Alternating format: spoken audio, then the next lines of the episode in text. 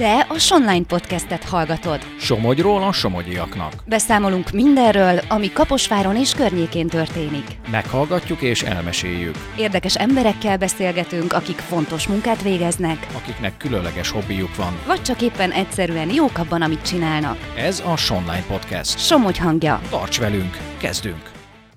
Köszöntöm a hallgatókat, én Marosi Gábor vagyok, a vonal másik végén pedig Madarász Zoltán, a Nemzeti Agrárgazdasági Kamara Somogy vármegyei elnöke. Jó napot kívánok, üdvözlöm elnök úr!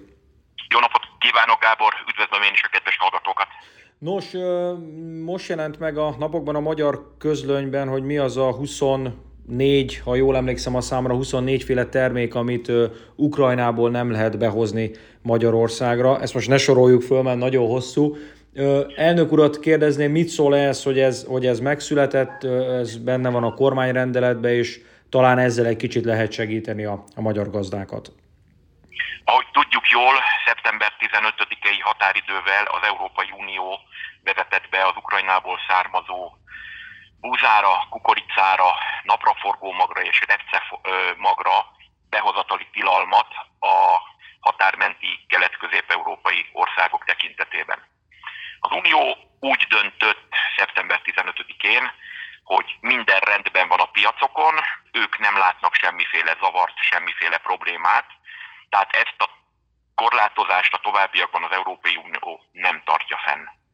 Magyarország kormánya azonban Lengyelországgal, illetve Szlovákiával ö, szinergiában úgy gondolja, hogy óriási a probléma, óriási piaci zavarok vannak, eladhatatlanok a Magyarországon megtermelt, vagy Lengyelországban, vagy Szlovákiában megtermelt mezőgazdasági alaptermékek, tehát búzára ö, egyszerűen nincs kereslet, nyakunkon a napraforgó és a kukorica aratása a piacokon mozgásokat nem látunk, ezért Magyarország kormánya ö, saját nemzeti hatáskörben tilalmat vezetett be, ahogyan is említette a 24 mezőgazdasági termékre, ami számunkra azért fontos, mert nem csak az alaptermékeket, hanem az ezekből készült feldolgozott termékeket, illetve kibővítve például mézzel, tojással, baromfihússal, amikkel úgy szintén Ukrajnából elárasztották részben a mi, részben az Európai Unió piacait.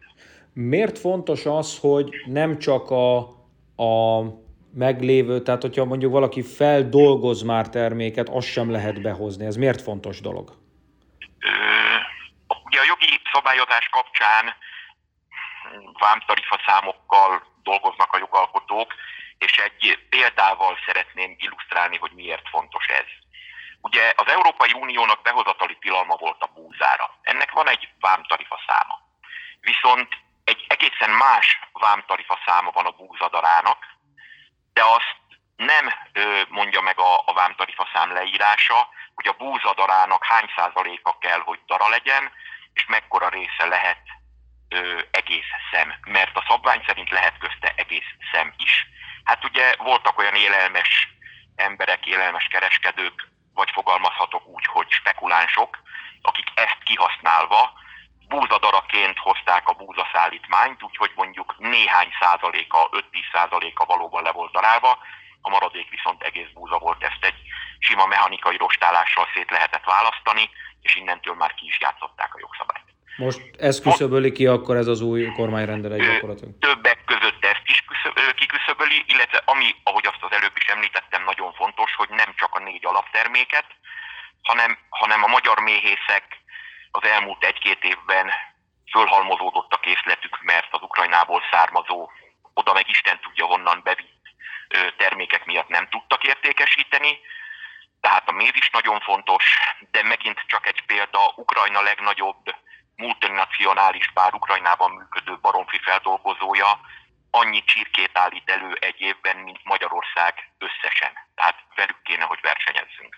Ráadásul rájuk az Európai Unió környezetvédelmi, egészségügyi, egyéb korlátozásai, szabályai, tilalmai nem vonatkoznak, tehát egészen más feltételekkel termelhetnek, és itt nagyon fontos megemlíteni, hogy az élelmiszerbiztonságot is sokkal jobban tudja Magyarország kormánya ezzel az intézkedéssel garantálni, illetve a környezetvédelmi, természetvédelmi szabályokra is így jobban oda tudunk figyelni. Múlt héten beszélgettem több somogyi gazdával is, így a napraforgó aratással kapcsolatban el voltak keseredve. Most, hogy megszületett ez a döntés, picit örülhetnek a somogyi gazdák? Nagyon sok feladat áll még előttünk, nagyon sok még a munka, hiszen az, hogy Magyarországra nem jöhetnek ezek az áruk, az nem azt jelenti, hogy a magyar termékek korábbi felvevő piacaira sem mehetnek.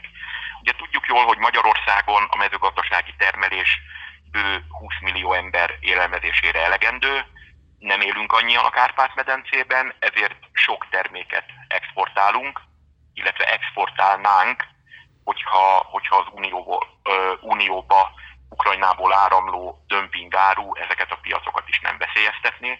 Tehát nagyon sok még a dolgunk azzal, hogy ezekre a piacokra ismételten szállítani tudjunk. Most az árak változhatnak majd? Tehát mondjuk a felvásárlói árak egy picit magasabbak lehetnek emiatt, vagy, vagy még ez is korai? Nyilván erről, erről nagyon korai lenne beszélnünk. Alapjában véve a piacokat a tőzsdei árak befolyásolják. Nyilván a tőzsdei árak adott pontra leszállítva értendőek, és akkor még mindig itt van a, a kereskedői magatartás, az esetleges spekuláció kérdése.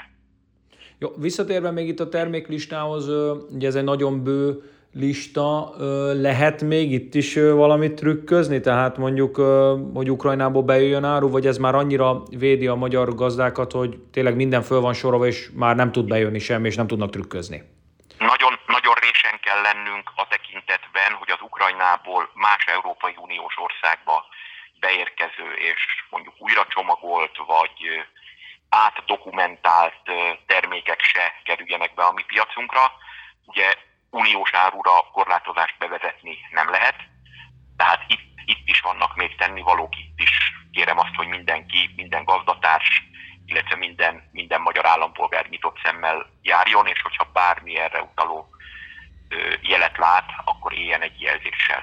Ja, tehát most itt arra gondol elnök úr, hogy mondjuk Ukrajna eladja a Németországnak a bizonyos terméket, és Németország, mivel az unió tagja, azon keresztül viszont Magyarországra bejöhet. Ezt kellene figyelnünk. Így van, hát Németországból kicsit kisebb az esélye a földrajzi távolságok miatt, de, de például az nem teljesen kizárt, hogy adott esetben Bulgáriába átkerül, és Bulgáriából már uniós áruként jön hazánkba. És az ellen meg nem véd ez a kormányrendelet? Uniós árura nem lehet tilalmat bevezetni. Jó. És ezt nem tudjuk, és ezt nem tudjuk megállapítani, hogy adott esetben, hogyha a bármely uniós országnak a hatósága vagy erre feljogosított szervezete kiállít egy származási igazolványt, vagy kiállítja azt, hogy garantálja, hogy ez onnan való, ezt nyilatkozza a kereskedő, akkor erre, erre nem lehet tilalmat bevezetni. Minden esetre, így ha összegezzük, akkor jó ez a rendelkezés, elindult valami, és talán akkor a somogyi gazdák is egy picit megnyugodhatnak. Óriási szükség volt arra, hogy nehogy feloldják azt, amit sikerült az Európai Uniónál még szeptember 15-ig kiharcolni. Nagyon jókor azonnal lépett a kormányzat, tehát a magyar piac védelme elsőleges fontosságú. Több százezer gazdáról, több százezer család megélhetéséről van szó, amit ez a dömpingáru alapjaiban veszélyeztet. Elnök úr, köszönöm szépen, hogy ezeket megosztotta velünk.